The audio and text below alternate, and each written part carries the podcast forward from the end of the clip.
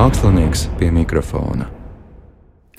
Es esmu sveicināts klausītāju podkāstā Mākslinieks pie mikrofona. Un, um, jā, šoreiz man ir jāsaka, ka mūsu tikšanās reize būs nedaudz citādāka. Varbūt arī pat daudz citādāka, jo mēs esam pieraduši, ka ir parasti viens mākslinieks pie mikrofona un mēs savā starpā runājamies.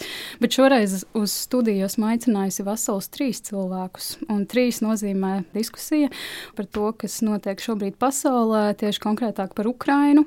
Un es domāju, ka mēs varam šobrīd arī sasveicināties ar šiem mūsu viesiem. Vispirms vēlos stādīt priekšā režisoru Mārtiņu Gūtmani. Sveiks! Labdien! Nākamais mūsu viesis ir dziedātāja Brigita Čirkšē. Sveika! Sveika! Un kultūras pētniece un stāstniece Elvīra Avota. Sveika!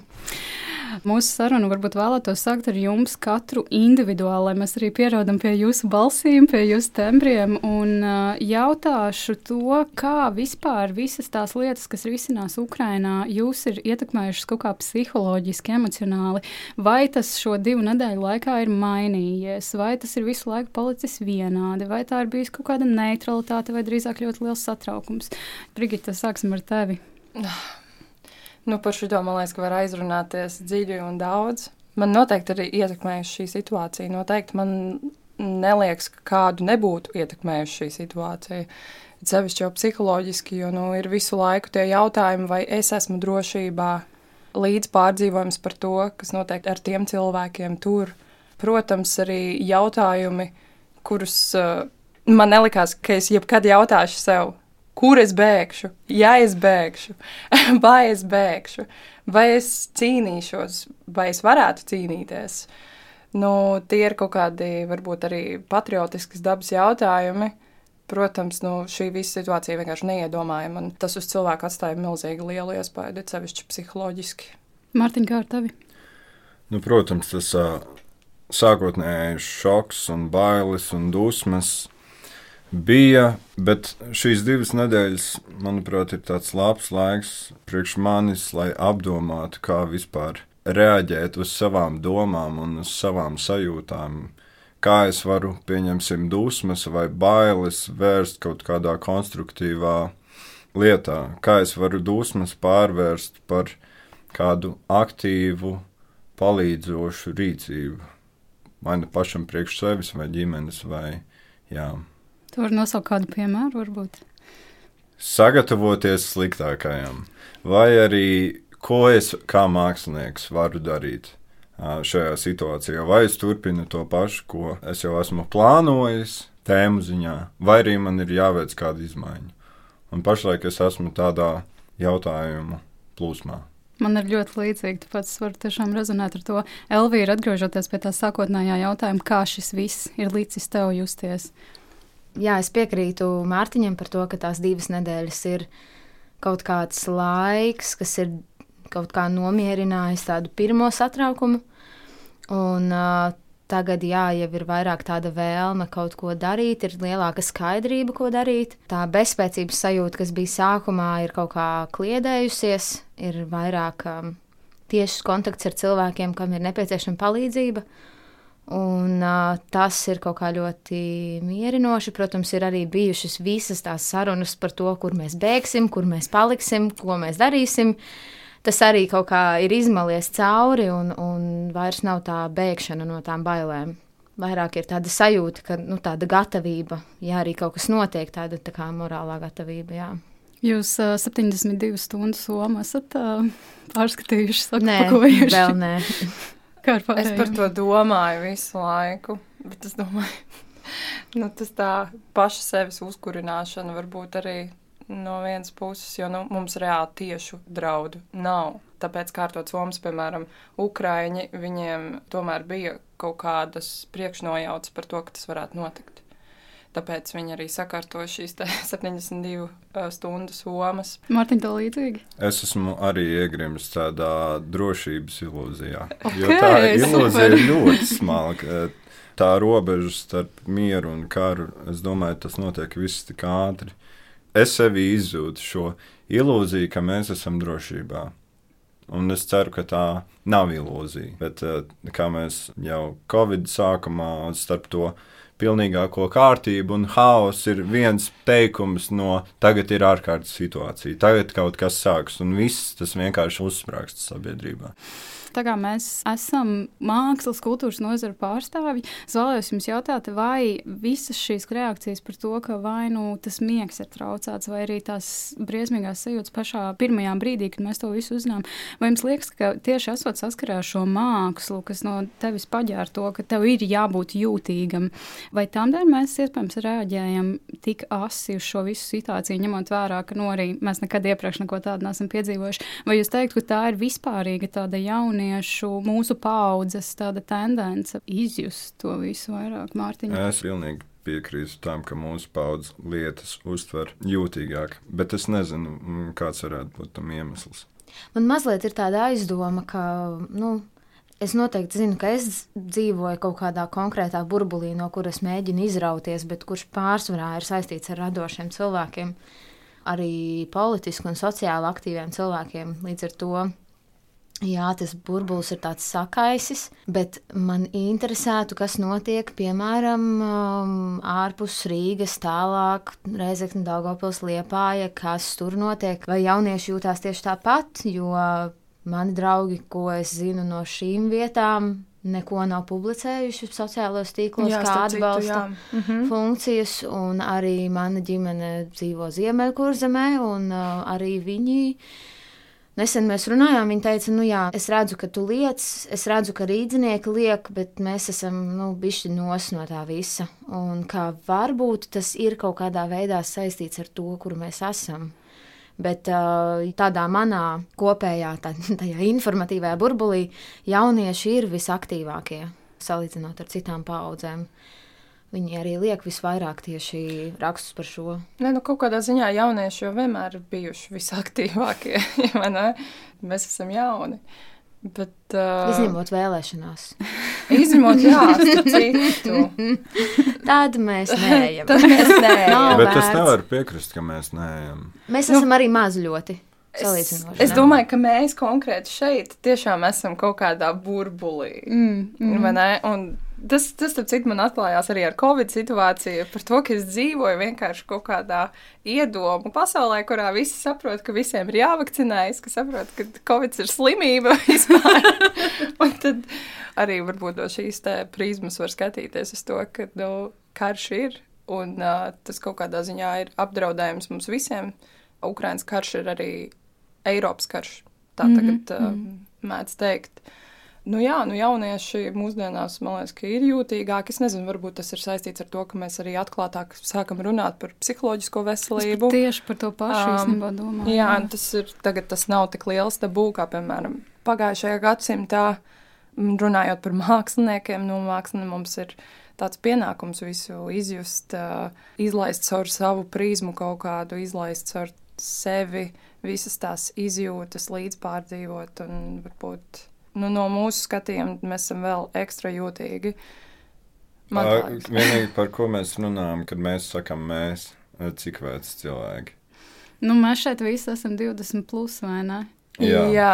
Es noteikti teiktu, ka tās ir audzināšana un skolas tie, kas skaitās 30 vai 35 gadnieki, viņi jau tomēr ir piedzīvojuši arī to kaut kādu padomu sistēmu un 90. pa īstam. Un varbūt arī tie 90. tos cilvēks nu, Latvijā.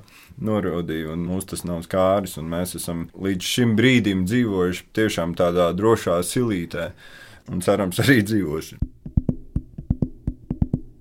Es īstenībā tieši par šo aizdomājos, jo mēs jau ar jums runājām pirmīt par to kaut kādu savu veidu idealizēšanu, par to, ka jā, mēs esam piedzīvojuši barikādas, bet uh, jūs nē, un jūs jaunieši jau īsti no politikas neko nesaprotat.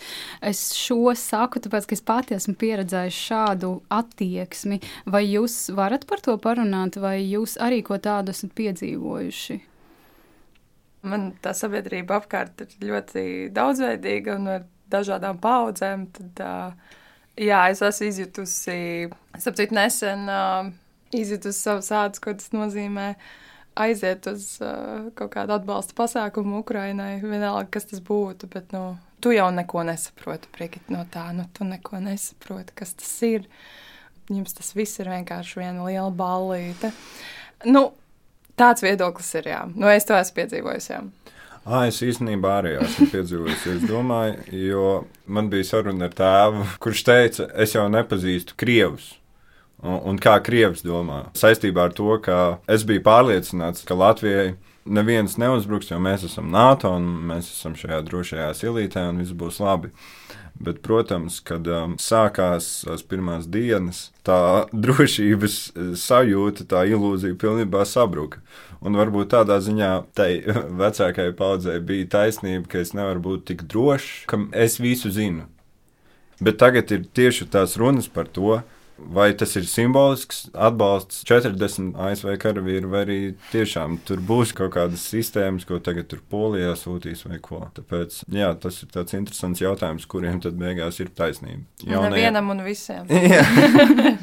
Elvīra. Es vienmēr mēģinu atgriezties savā domās pie, kā Mārtiņš teica, ko Krievs domā.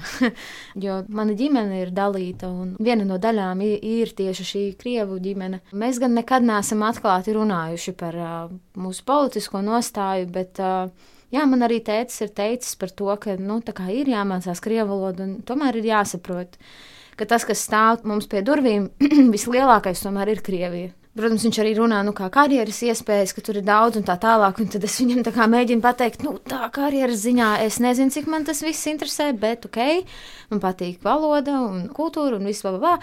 Man laikam nav bijis tāda situācija, kur man, um, jā, nu, tā kā pateiktu, nu, Elvīra, tu tā kā nesaproti. Vai tas ir bijis tāpēc, ka es neesmu bijusi tādā vidē, Brigita minēja personisko piemēru tikko pirms mēs nācām iekšā, un man tieši ienāca prātā, jā, šis, šis uh, absurdais kaut kāds, ir kaut kāda sabiedrības daļa. Nu, viņi jūtās, ka viņi zinoši, protams, es to neapšaubu, sevišķi, ja viņi ir vecāki, viņiem ir lielāka pieredze, bet ka viņi pasaka apgalvojumu, un tad tu ej un dari, ko tu gribi ar to. Nu, tu taču neko nesaproti. Bet tas cilvēks vispār neiedomājās kādreiz tev pastāstīt kaut ko, vai, vai, jā, vai pajautāt, vai tā kā, jā, vai tad, kad tu pasaki, nu, ļoti liela iespēja, ka tajā brīdī, ja tu paprasītu, a, ko es nesaprotu, vai tu vari man paskaidrot, tas cilvēks pateikt, garš stāsts.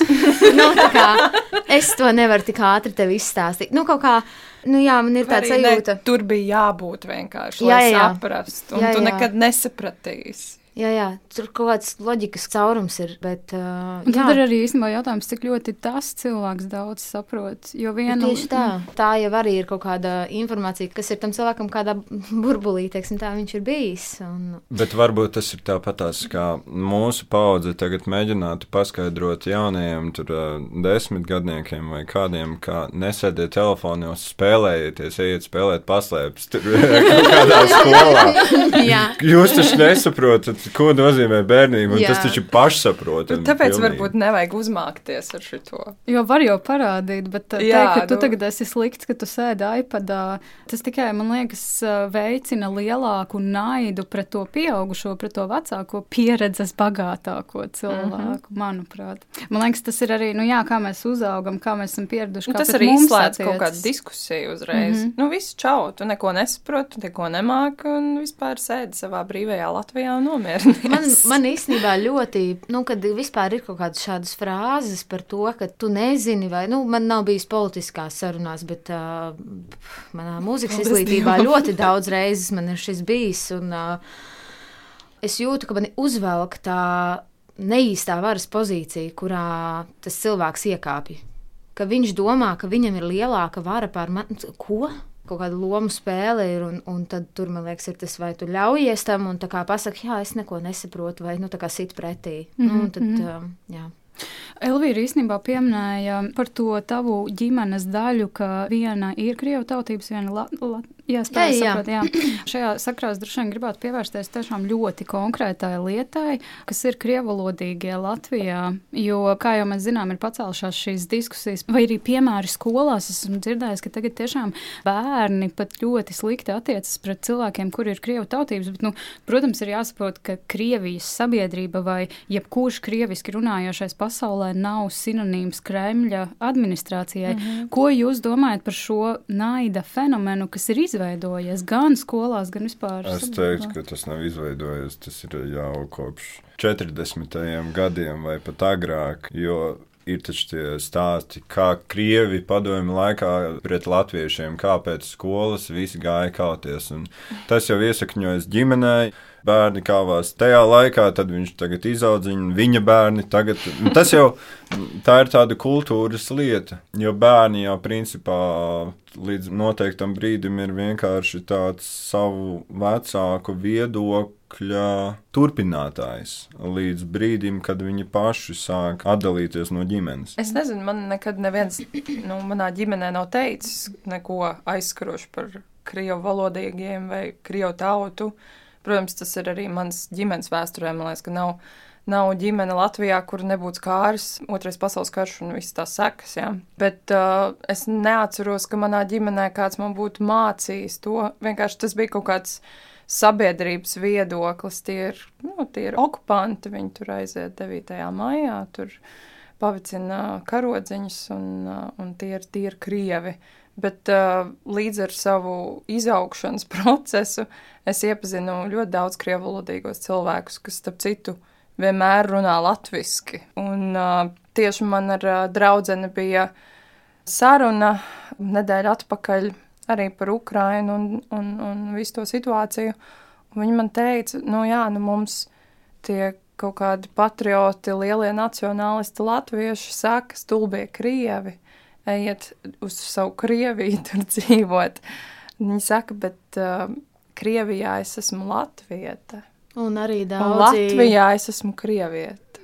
Nu, un arī daudzi krievalodīgie Latvijā nav krievu izcelsmes. Viņu saknes ir tā pati Ukraina, mm -hmm, tā pati Baltkrievija. Un, un, un, jā, mēs, nu, mēs viņus ieliekam vienā podiņā. Jā, tā viņi, ir. Jā. Viņi ir nepieņemti nekur. Nu, tas ir tā, ka tas, tas ir kaut kāds vēsturiskais, kaut kāds mantojums, trauma. Uh, ģimenes trauma, visticamāk. Jā, Mārtiņš to pieminēja. Es, biju, es biju šokā pirms kāda laika uzzinot, ka Latvijā vēl joprojām ir samilzusi tā nepilsoņu problēma un vēsturiski. Kā jūs domājat, kā sauc nepilsoņu pasi Latvijā? Cits planētieši, ne? Alien, Alien passport. passport. jā, jā, tā, bet tā ir visā pasaulē. Jā, jā. Tā, bet tas ir, man tik ļoti nošakēja, ka ir tāds alien passport. Un ka tā kaut kāda sajūta caur pat šādām varbūt mazām detaļām, bet tas jau ļoti jā, nosaka to viņu sajūtu. Nu jā, pēdējā laikā ļoti, ļoti daudz esmu sākusi domāt par to, kādu nozīmi un kādus kontekstus mēs valodai kā tādai piešķiram. Jo nu, arī cik man ilgi nav bijis, un pie tam es tiešām arī esmu augusi tādā ģimenē, kas nekad nav nosodījusi, kas ir tiešām ļoti atvērti domājoši. Bet man, es nezinu, domājot par pamatskolu, par vidusskolu, ko līdz izskanēja vārds krievs.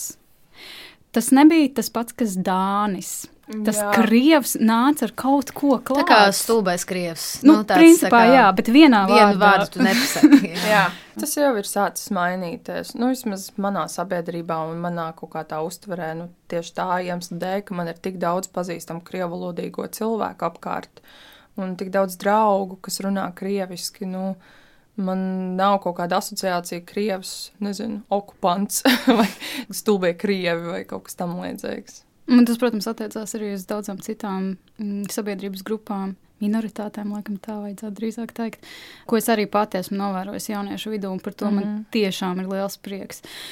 Man liekas, ka blakus jautājums būtu ļoti vērtīgs arī uzreiz pieķerties uzvaras piemineklim.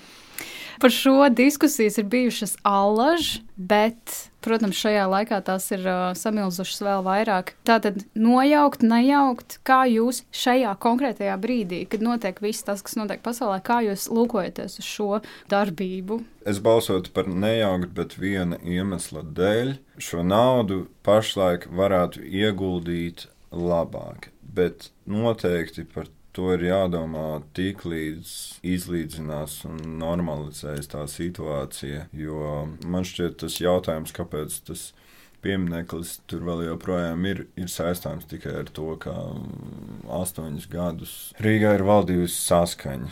Kas ir mhm. skaidrs, agrāk viņi ir bijuši pilnīgi prokremlīska partija un uh, izmantojuši tieši pieminekli, lai vāktu un šķeltu sabiedrību. Jā, man liekas, ka tādu pēkšņa nojaukšana, tas šajā brīdī, šajā kontekstā tikai sašķels sabiedrību. Bija, man liekas, ideja rīkot tur kaut kādu izstādi par Ukrainas karu ar Ukrainas bildēm. Man tā liekas, es to nosapņoju. Nē, nē, nē, man liekas, ka tas ir daudz produktīvāk kaut ko tādu izveidot nekā domāt par jaukšanu nost.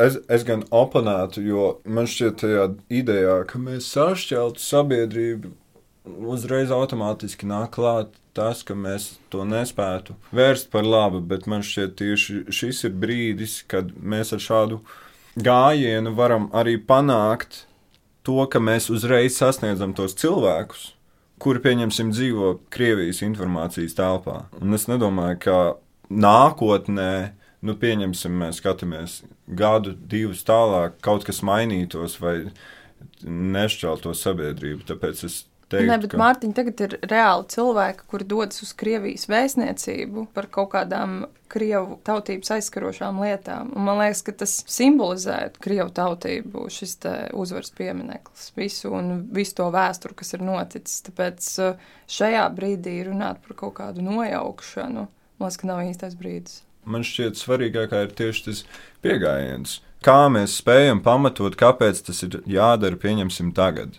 Mm -hmm. Jo, pieņemsim, ja mēs skatāmies Igaunijā, viņi arī nu, viņi nenojauks tiltus, skaidrs, bet viņi pārsauc uzvaras tiltu. Arī tagad jau, pieņemsim, notiek runas par to, kā pārsaukt uzvaras piemineklis. Jo tas ir piemineklis vienkārši, kas svin Latvijas okupāciju, un tā nav Jā. nekāda uzvara. Es nedomāju, ka tā ir jebkādā veidā svētvieta, ja tu esi pār Latvijas vērtībām. Es redzēju, Google Maps, kāds bija pārsaucis. Iespējams, tas jau ir pazudis, bet kāds bija pārsaucis tieši Latvijas okupācijas piemineklis. Tas Vai bija tas, ko es um, nesen. Uh, Tieši dažas dienas atpakaļ uh, es ceru, ka, es viņu devušu par pilsētu pētnieku, tas būs patiesi. Mārtiņš Enģelis bija ierakstījis rakstu tieši dažas dienas jā, pēc Ukrainas ieņemšanas tieši par uzvaras pieminekli. Un, uh, viņš pats nodarbojās arī ar um, dažādām kā, ekskursijām, un cilvēkiem stāsta gan vietējiem, gan ārzemniekiem. Un, un viņš bija minējis jā, šos argumentus, ka to vietu kaut kā viņai mainīt nozīmi. Viņa piedāvājums arī bija laikam okupācijas piemineklis, un man likās ļoti interesants tas arguments, ko viņš rakstīja ka nu, ir cilvēki, kas saka, nu, tur kāda jēga mums taisīt vēl vienu okupācijas muzeju pie uzvaras pieminiekta. Mums taču ir okupācijas muzejs. Bet tajā pašā laikā tie cilvēki, kas iet uz uzvaras pieminekli, viņi neies uz okupācijas muzeju. Viņiem uh mhm. -huh. tas vispār nu, nav pa ceļam. Uh mhm. -huh. Un, um, tajā vietā vai nu stāstīt cilvēkiem, vai likt kaut kādus tās planšetes vai ko, kas ir informatīvas, tādas, ko, cilvēki tur ir, tad viņi var par to lasīt. Jā, Jā šī nosaukuma maiņa un vēl viena pavisam cita lieta. Atkal ir uzpeldējis tā mana balss, kur mēs vācam parakstus, lai mm -hmm. nojauktu to uh, pieminekli kas ir nu, ļoti forši. Es vienīgi atvēru viņu, un šis ieraksts ir uh, uztaisīts 2017. gadā. Mm. Viņš ir vecs. Es domāju, ka viņš jau ir izgājis caur saimu un vairs tur atpakaļ neies. Bet arī tur bija minēts, kamēr notiek gatavošanās periods, ko vispār darīt ar šo milzīgo pieminekli. Tajā pirmajā posmā ir informēt sabiedrību. Informēt ar, ar dažādiem pasākumiem, informēt mm -hmm. ar kaut ko tādu, ko vēl, jā, tieši Mārtiņš Enģels minēja, jā, mēs ejam protestēt pie Krievijas vēstniecības. Tas ir svarīgi, mēs to darām. Visticamāk, tiem cilvēkiem, kas tur strādā, tas ir kā pīlē ūdens. Viņi vienkārši ieiet dziļāk un turpina darboties. Bet, ja mēs ietu protestēt vai kaut kādā veidā izrādīt savu pretestību pie uzvaras pieminiekļa, tas sistu pa vārgāku vietu. Un to sadzirdētu tālāk. Un kas man liekas interesanti, tāpēc, ka man nav šī pozīcija par to nojaukšanu tagad, šodien, bet um, ka nav aktivitāte pie viņa. Bet, ka ir kaut kāda bet, mentālā robeža, ka latvieši viņi aiziet vienreiz uzliet krāsu, viņu notīra, un tad visi apvainojās. Bet, bet uh, kuru cilvēku sasniegtu, protestējot pie uzvaras pieminiekļa? Tie, kas varbūt tās ir tajā krievalodīgajā informācijas telpā. Bet tad tas būtu jāfilmē un vēl jāsūta viņiem. Viņi paši būtu noteikti šokā, kad tur kaut kas notiek jo tur notiek tikai vienreiz gadā kaut kas. Pēkšņi kaut kas notiek, un es tieši es šodien braucu uz darbu, un es domāju, ja šis karš turpināsies vēl kādu laiku, nedod Dievs līdz 9. maijam. Protests 9. maijā tur varētu būt diezgan Es karsts. izdomāju labu ideju. Tā kā ir tie iluzionisti, kuri Liek pazust Viņi uzliek milzīgu cepuri uz uzvaras pieminiektu. Tad viņi uztaisīja to trīku, un tur vairs nav. Tur trūcis milzīgs. Tas būtu vienkārši šāds staigāt pa pilsētu. Malacis Mārtiņa, jā. Nē, tas būtu. Jā. Un tas trūcis informē visus. vēl. jā, viņam uz sāniem ir tāda maza sēdziņa ar tekstu. Jā, Ar to vietu kaut kas ir jādara. Nu, tā kā mēs, ne, nu, es jā, esmu arī. iet un, un, un kaut ko, vai jaucam tagad nost. Tas Nē, nu man vienkārši, nu jā, man liekas, ka tas eh, nu, jādara ir to, ko mēs tiešām varam izdarīt. Arī ilgtermiņā mums ar Mārciņu bija saruna par šo arī iepriekš, un uh, es piekrītu tajā reizē, ko tu minēji, ka tam ir jābūt politiskam lēmumam. Tas nevar būt tikai mēs aizējam un kaut ko Jā darām. nu, kā tas nevar, cilvēki, tas bet- nevar nā- nākt vienkārši no tāda maza burbulīša. Jā, uh, kuri tagad uh, cīnīsies pret netaisnību. Bet kāpēc es uzskatu, ka tam ir jābūt, un tam ir jābūt diezgan ātri? Latvijā ir tendence lēni pieņemt lēmumus, lēni domāt, tāpat kā arī tagad NATO izvērtē un domā. Tam ir jābūt kaut kā ārkārtējāk, tomēr es uzskatu. Es gribu nedaudz noprecizēt, tātad, ja mēs nedomājam tieši konkrēti par šo dienu, par šo nedēļu, tad vispār nākotnē jūs esat par pieminiektu nojaukšanu. Es jā. Vai arī ļoti izmainīt visu to kontekstu, lai tā nebūtu kaut kāda absurda svētvieta. jā es piekrītu. Mārciņam ar to pašu. Nu, Manuprāt, tā vieta viņai ir jāmaina nozīme, man liekas, ka vēsturē ir pietiekami daudz piemēru, kur cilvēki ir bijuši spējīgi mainīt vietas jēgu un nozīmi, un galu galā arī šī pieminiekļa autors ir leģionārs. Tur ir ļoti daudz absurdu, vēsturisku absurdu tajā piemineklī.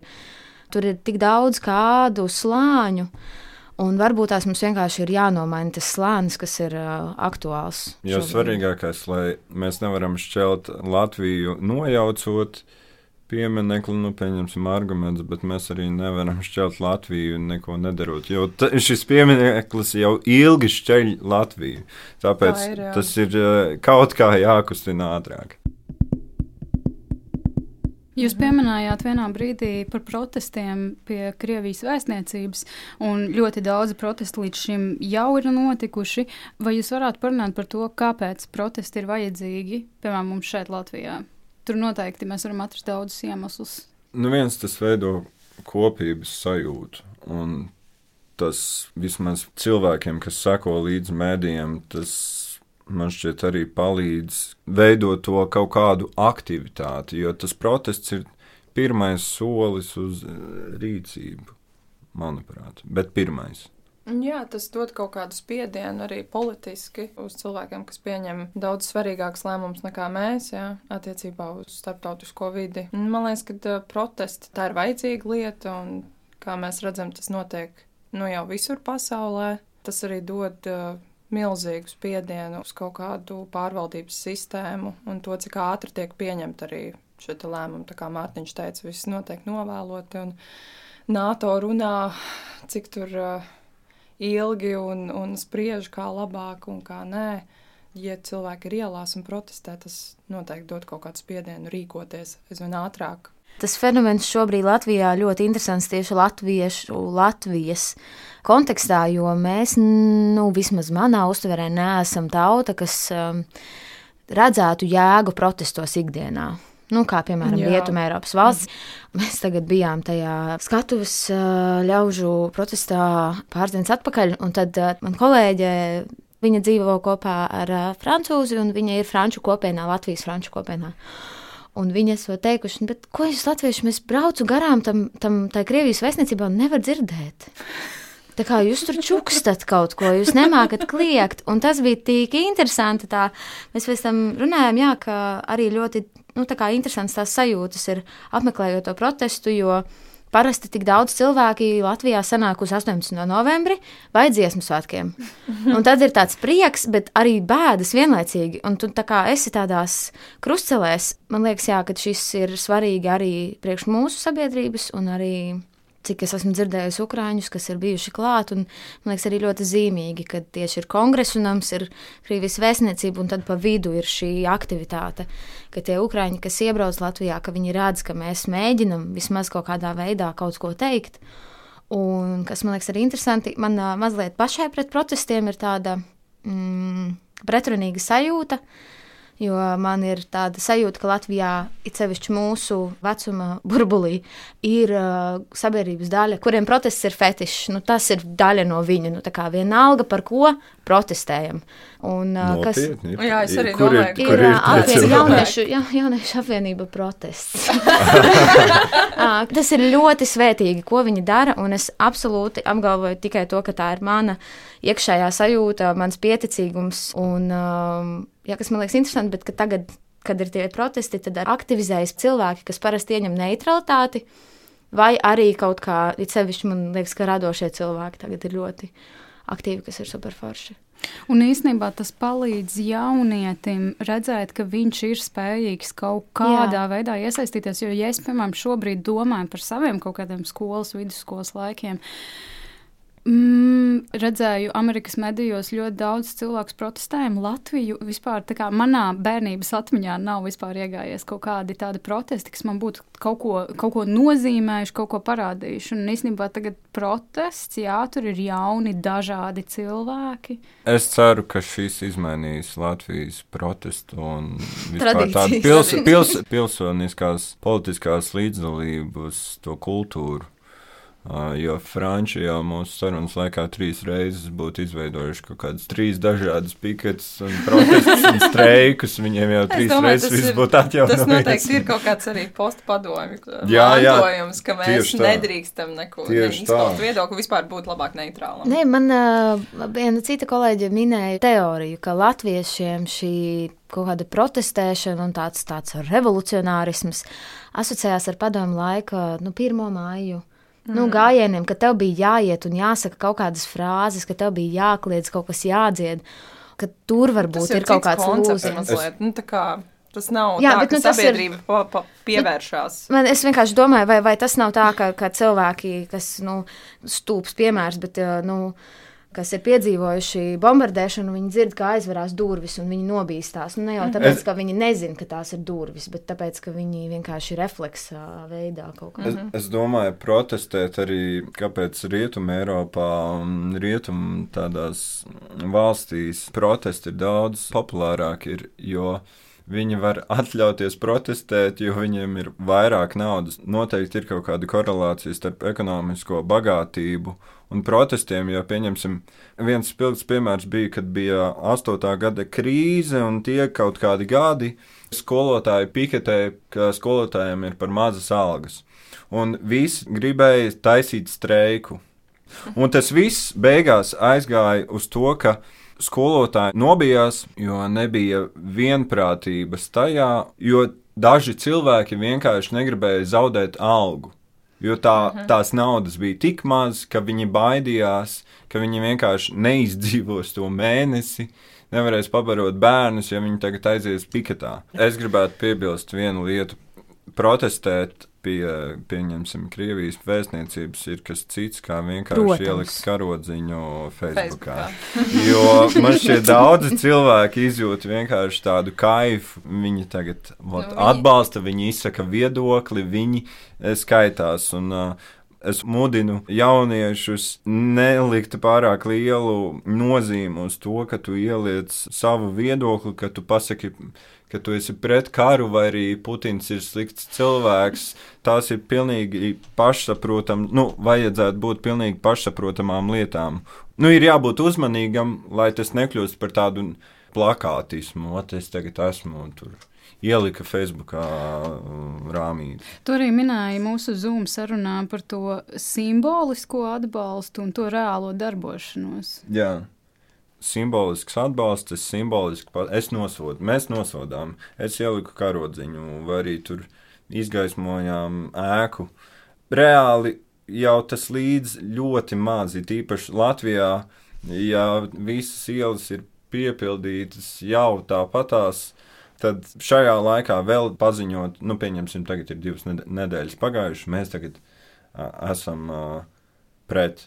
Tas vairs īsti neko nemaina, jo ir jādomā tālākais solis, kas var būt vēl, vai, vai nu tur ziedot, vai uzņemt bēgļus, vai ko. It īpaši māksliniekiem. Es uh, tajā Teātris Savienības runā tieši teicu, ka vajag aktīvu mākslu. Pašlaik mēs nevaram domāt tikai par to, kā 20. Mm, gada, 21. gada repertuāru turpināt, un ka vot, mākslinieki nodziedāt himnu vai uzlikt karogu, ar to pietiek. Un es zinu, ka varbūt tas ir nepatīkami un ir viedokļi, jā, mums ir jāturpina teātris vai tur māksla. Pilnībā simtprocentīgi. Bet ir jābūt vēl kaut kādai aktivitātei. Es tieši šodien lasīju interviju no kultūras cilvēka, kas teica tieši to pašu, ka māksliniekam ir ir jābūt tagad divreiz aktīvākam, jo mākslai ir jāveic īpaši tagad Latvijā tā izglītojošā funkcija arī.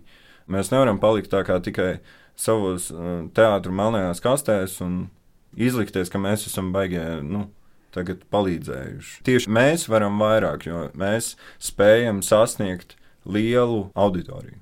Mhm. Tieši runājot par šo mākslas aspektu, man ļoti patika tas, ko tu tikko teici, bet nav jau noslēpums, ka mums ir kā māksliniekiem kaut kādas tās pāris. Nu, Nezinu, teikt, parastās ikdienišķās lietas, nu, kas nav konkrēti saistītas ar karu, bet mums vienalga tas ir jādara.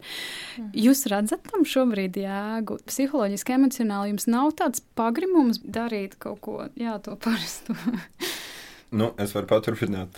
Man, manī, tas, manī tās kaut kāda mana profesija un tas, ko es radu, kaut kādā veidā ir ļoti sasaucies. Tas laikam ir audzis jau kopš, nezinu, tur Baltkrievijas vai kā, un tās tēmas attīstība pieņemsim par escapismu. Nu, tieši cilvēki, kuri nevar sadzīvot ar realitāti. Un vai tad es ļoti apzināti veidoju koncertu, lai viņi var escapot? Mēs izveidojam uz stundu šo miera saliņu un neliekam viņiem domāt par neko citu. Bet ļoti apzināti, vai arī tieši pretēji. Jo man šķiet, tas kaut kāds kokteils pa vidu, tur ir kaut kas tāds um, pretējas puses uh, šķēre. Jūs skatījāties lielo mūzikas balvu? Uh, es, es skatījos. Vakar vai arī to pa, vakardien. Vakardien. Jā, vakar, jā, jā. Nu, man liekas, tur bija tas kokteils, ko teici.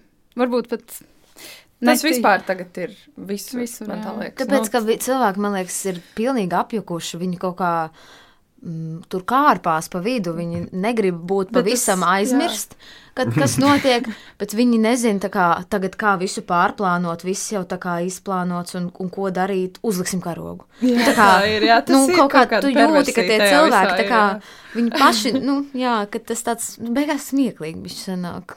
Sanāk smieklīgi, bet īstenībā man liekas, neviena cita varianta nav. Jo es varu iedomāties, nu, piemēram, es esmu nolaimējusi lielo mūzikas balvu. Kas es tagad iešu un teikšu, cik es esmu brīnišķīga un par saviem sasniegumiem? Tas drīzāk arī veicinātu, tīpaši tāpēc, ka tā ir publiskā telpa, tas veicinātu to, ka cilvēki savukārt man pasaka, oh, šitā vispār par Ukrainu nerunā un neko nepiemina. Man liekas, ir patiesībā ļoti sarežģīta situācija izveidojusies tīpaši kaut kādos šādos plašāka mēroga pasākumos, kur mums it kā ir jādara jāuzaudzina tā māksla kā tāda, bet beigās tas vairs nav par mākslu. Tas atkal ir par mm -hmm. to, kas notiek. Un atkal mākslas un politikas nenošķirtības, pareizi saku. Mm -hmm. Jā. Mm. Bet Brigita, tev bija pirmizrāde tieši šajā dīvainajā laikā. Jā, starp citu, pirms katras izrādes skan Ukraiņas himna, un tas arī ir tas, nu, par ko mēs runājam. It kā kaut kas notiek. Bet uh, Latvijas Nacionālā operā atkal ir cits gadījums. Mums ir uh, šobrīd uh, tieši Aīdas pirmizrādē pieņemts darbā jauns Ukraiņu solists, Pavlo Balavkids, un uh, viņš arī dzied Aīdā, un uh, pirms katras izrādes viņš nāk un nodzied to savu himnu. Un tad tas mazliet pirms baleta, kad orķestris spēlē to himnu, tas nav tas pats, kad viņš iziet un nodzied savas valsts himnu. Tur ir kaut kas. Protams, jā, tad sākas aīdas izrāde un vispār etiopiešu un eģiptiešu pēkšņi parādās. un, un tas ir maksimāli dīvaini. Bet tajā mirklī, tajā mirklī, kad viņš cieta, tad ir citas izjūtas. Kā tev bija iet uz pirmizrādi tieši tas pirms tu ieradies operām? Es nezinu, ir dīvaini. Es teikšu, kā ir. Ir dīvaini, tāpēc, ka tu atnāc uz izrādi, un tad ir viss tas process, kas notiek ģērbtuvēs, frizētavās, jā, grimētavās, un tur cilvēki runā. Un tur ir simts un dažādi viedokļi, un tur tu saņem visus šos pārmetumus, ko tu tur darīji tajā protestā. un cilvēki pārspriež šīs lietas, bet tad, kad uh, notiek pirmizrāde, tas tiek nolikts kaut kādā plauktiņā. Tas nav. Jā, tas var būt kaut kas līdzīgs, kad tu aizbēdz no tās realitātes. Respektīvi, tu spēj tā kā nošķirt tomēr, vai ne? Nu, jā, tas ir. Nu, tas ir tā aizbēgšana no realitātes. Nu, tu esi pilnīgi citā. Un, un arī viss tie kostīmi un viss tā vide apkārt tev palīdz tajā daudz labāk iedzīvoties. Nu, tu nevari, man liekas, tu nevari kā mākslinieks būt tēlā un vēl paralēli domāt par to, kas notiek Ukrajinā. Tas, manuprāt, nu, tas nav vienkārši iespējams. Savādāk, ja tu esi divās vietās vienlaicīgi, tad jau īstenībā tu neesi nekur. Man īstenībā šobrīd tāda mazliet seriāla sajūta dzirdēt, ka aizbēgšana no kaut kā patiesībā ir kaut kas ļoti, ļoti veselīgs. man, man, man, Nē, nu, man, tur ir robežas. nu, robežas, man, protams. Man arī šis vārds escapisms likās ar tādu ļoti negatīvu lietu, bet tagad es sāku par to lasīt un kā tas vispār. Principā māksla lielākoties ir uz escapismu vadīta, nevis viņa tev sabiezina to realitāti. Nē, nu es pieņemu, ka skatītājam, klausītājam, kurš aiziet uz koncertu vai uz izrādi, nu viņš, viņš arī izjūt šo ieiešanu citā realitātē, un tad viņam nav jādzīvo varbūt tajās kara bailēs vai, vai, vai, vai par to, kas notiek Ukrajinā un kas, kas notiek mums apkārt. Bet, protams, ir starpbrīdis, un uh, tu atgriezies tajā realitātē, un tad atkal iekāp atpakaļ pēc starpbrīža, bet nu, tas jau nekur nepazūd.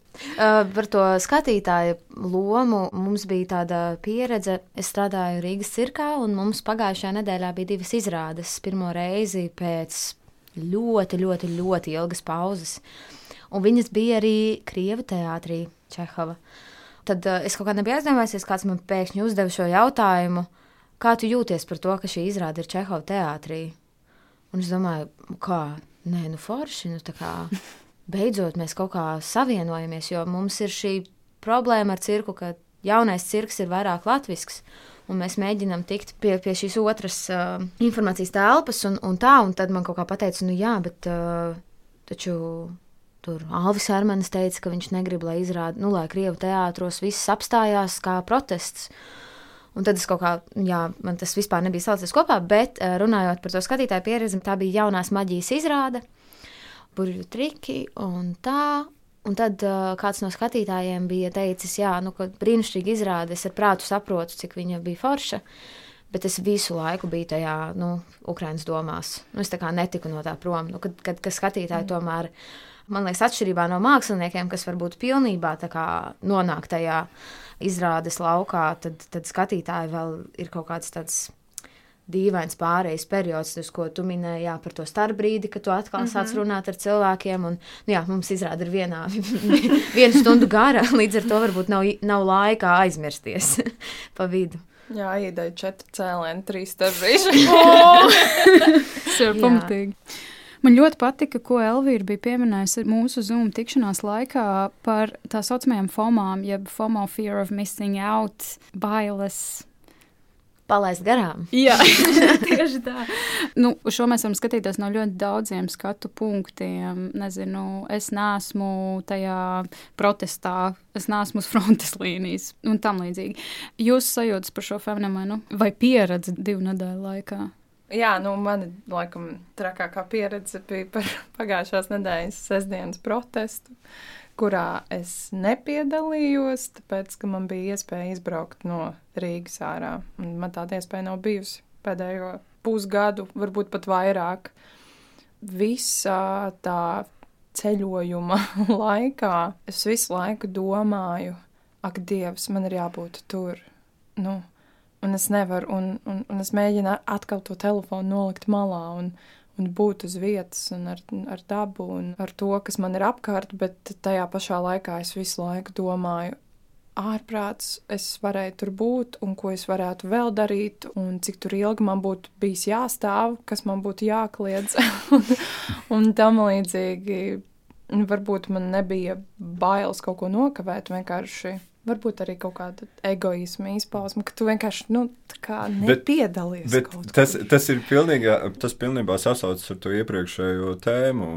Es uzskatu, ka tu nevari sev pārmest, ka tu. Nu, šādos apstākļos kaut ko, nu, vispār pārmest sev kaut ko nav īpaši veselīgi. Bet tas ir tieši tas, ka, nu, vai ir vispār iespējams tā līdz galam eskeipot. Un tad tā pilnīgi apzināti, es tagad atslēdzos. Nevis es uh, skatos filmu vai izrādu ar telefonu rokā. Domā, jā. jā, jā, jā.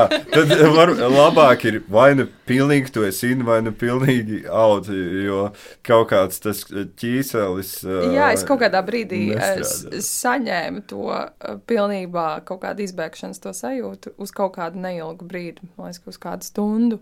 Bet tāpat tu iesēdies mašīnā, brauc atpakaļ un tad uzreiz ir telefons rokā un ak, Dievs, kāpēc es tur nebiju. bet, um, bet, protams, nu, tādā, ja tu visu laiku sev pārmetu par to, ka tu kaut ko nedari vai kaut kur neesi, vai nedari pietiekami, nu, tas, tas arī nav veselīgi. To var izvērst vienkārši maks, nu, tā kā, kāpēc es tagad nebraucu. Kāpēc jā, es kāpēc tagad nebraucu uz radio, kāpēc man nav ierocis rokās? Vai, jā. jā, es taču esmu tik vienkārši drausmīgs cilvēks. Nu jā, bet Šis arī ir interesants sabiedrības uh, fenomens, ka es taču daru vairāk nekā tu. Es, uh, jā, tas, tas tā ir.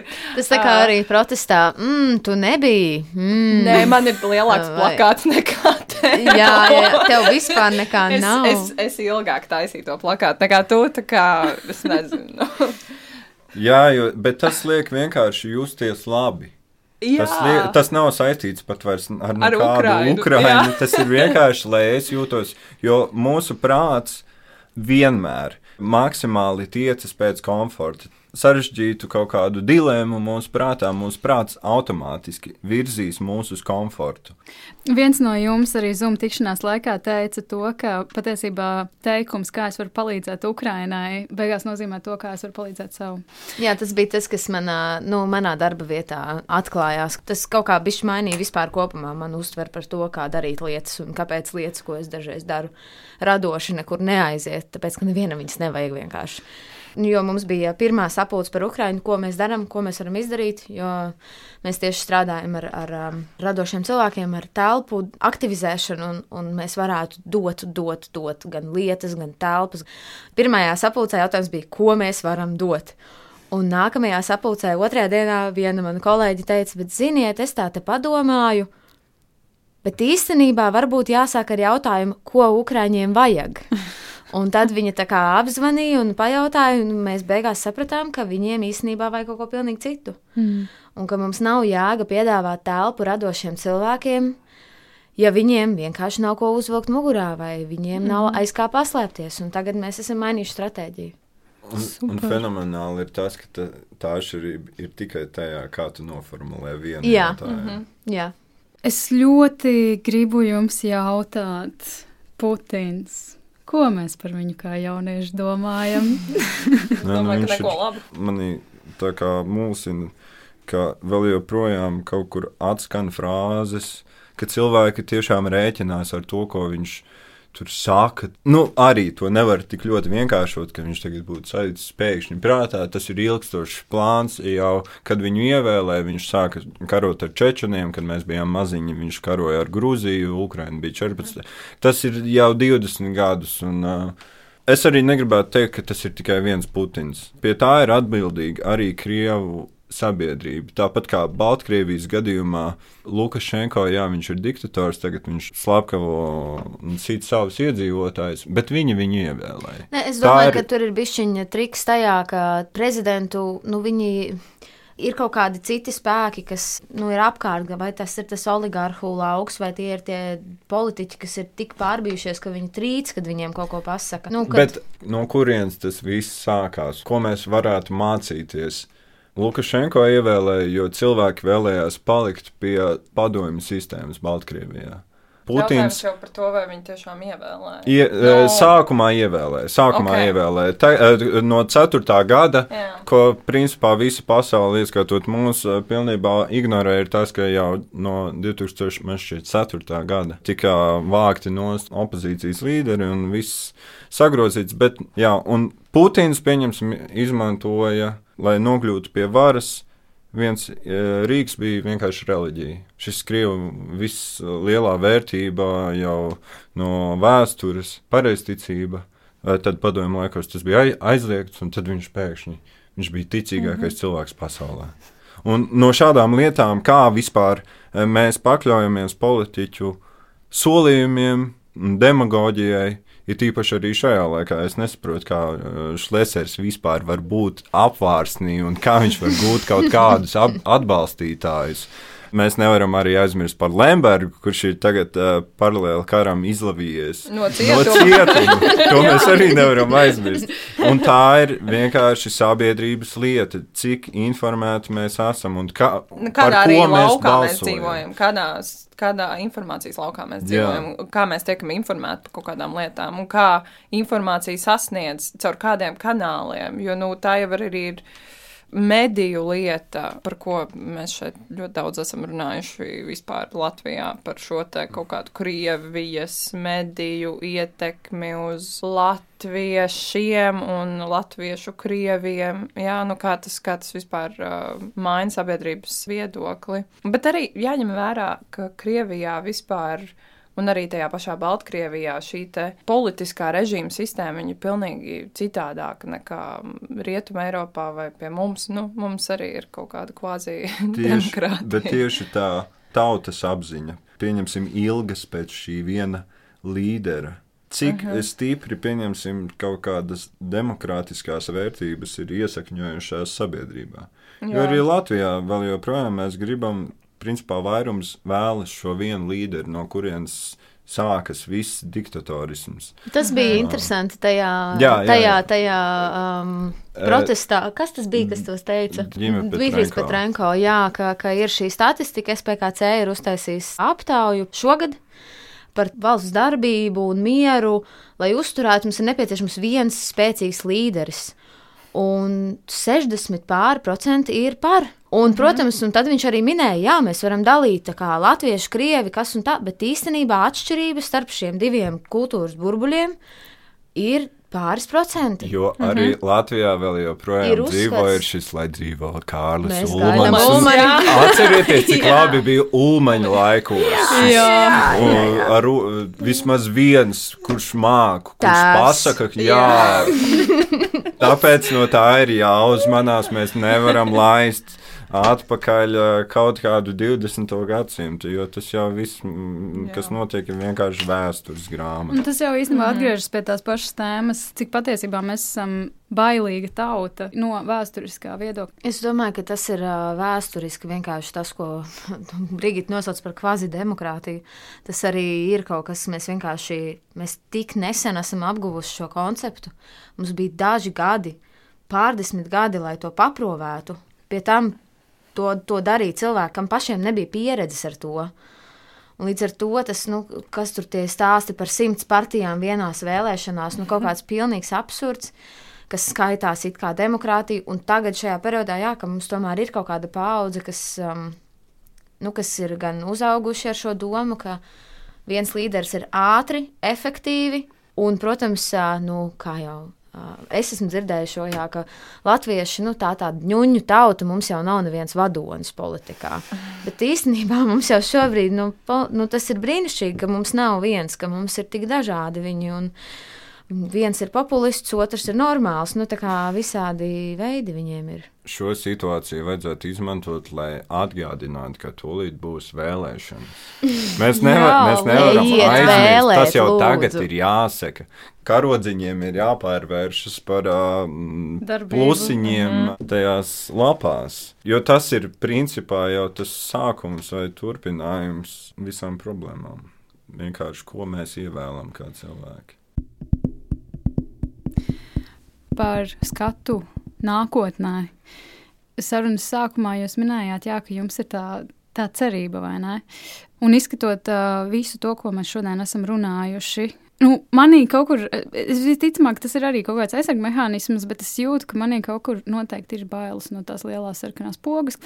Bailes ir par to, ka NATO aizstāvība ir simboliska. Varbūt jums tā nav. Es ceru, ka jums tā nav. Jūs varat padalīties. Es, es neteiktu, ka NATO aizstāvība ir tikai simboliska. Mm. Es arī tā nesaku, bet tāda doma ik pa laikam par atomkaru.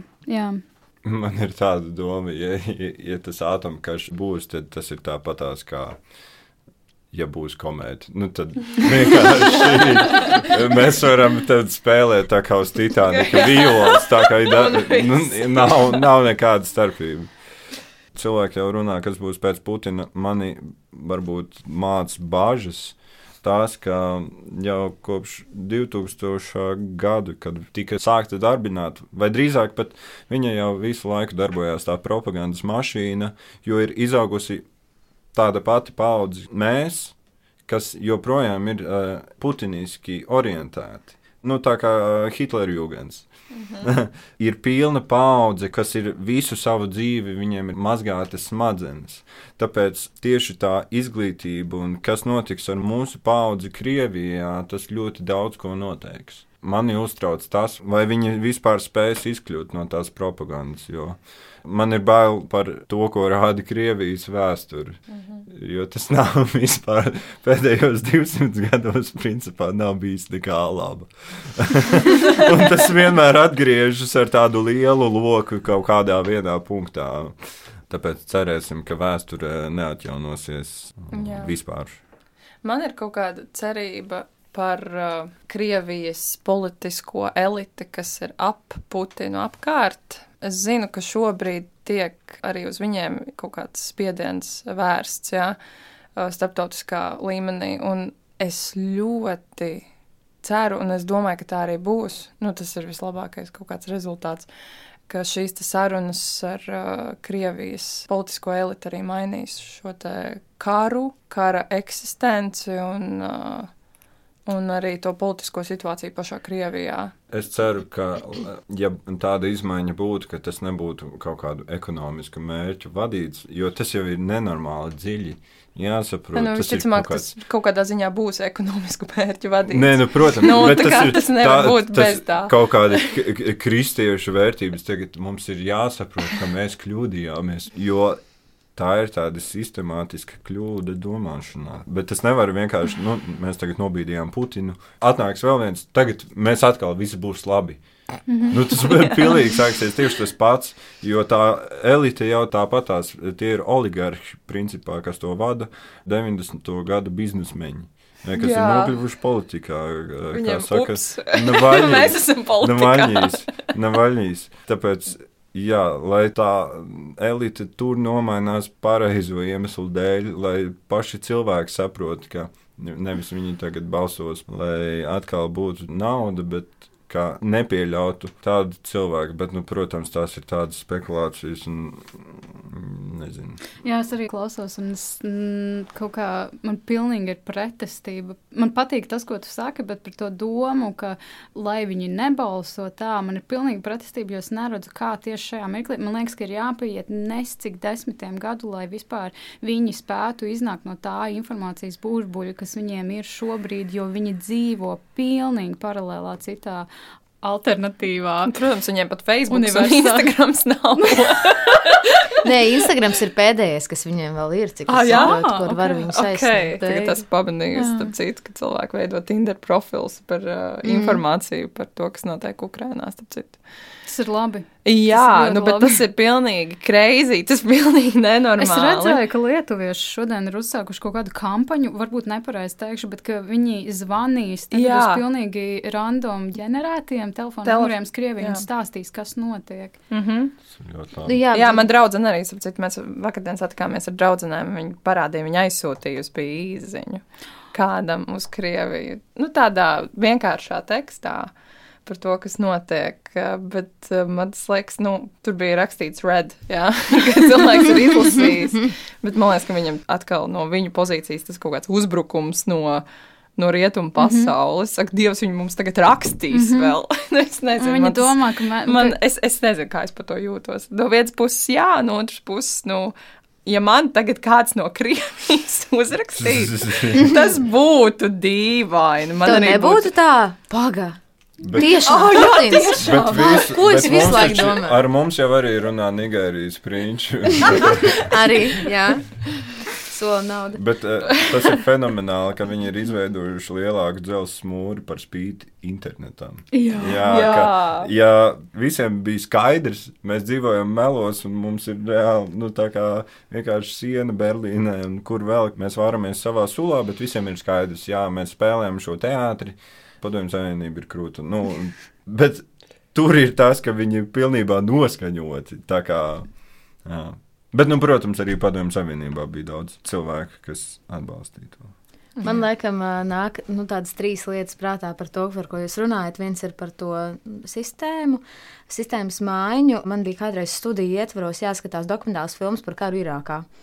Un, uh, tur bija šis Amerikas mērķis izveidot Irāku par demokrātisku valsti.